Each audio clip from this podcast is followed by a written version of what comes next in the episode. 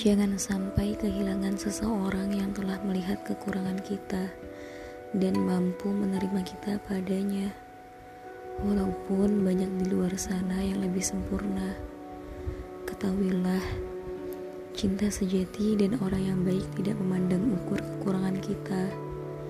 Cinta sejati saling mengisi dan juga saling membentuk hubungan lebih sempurna.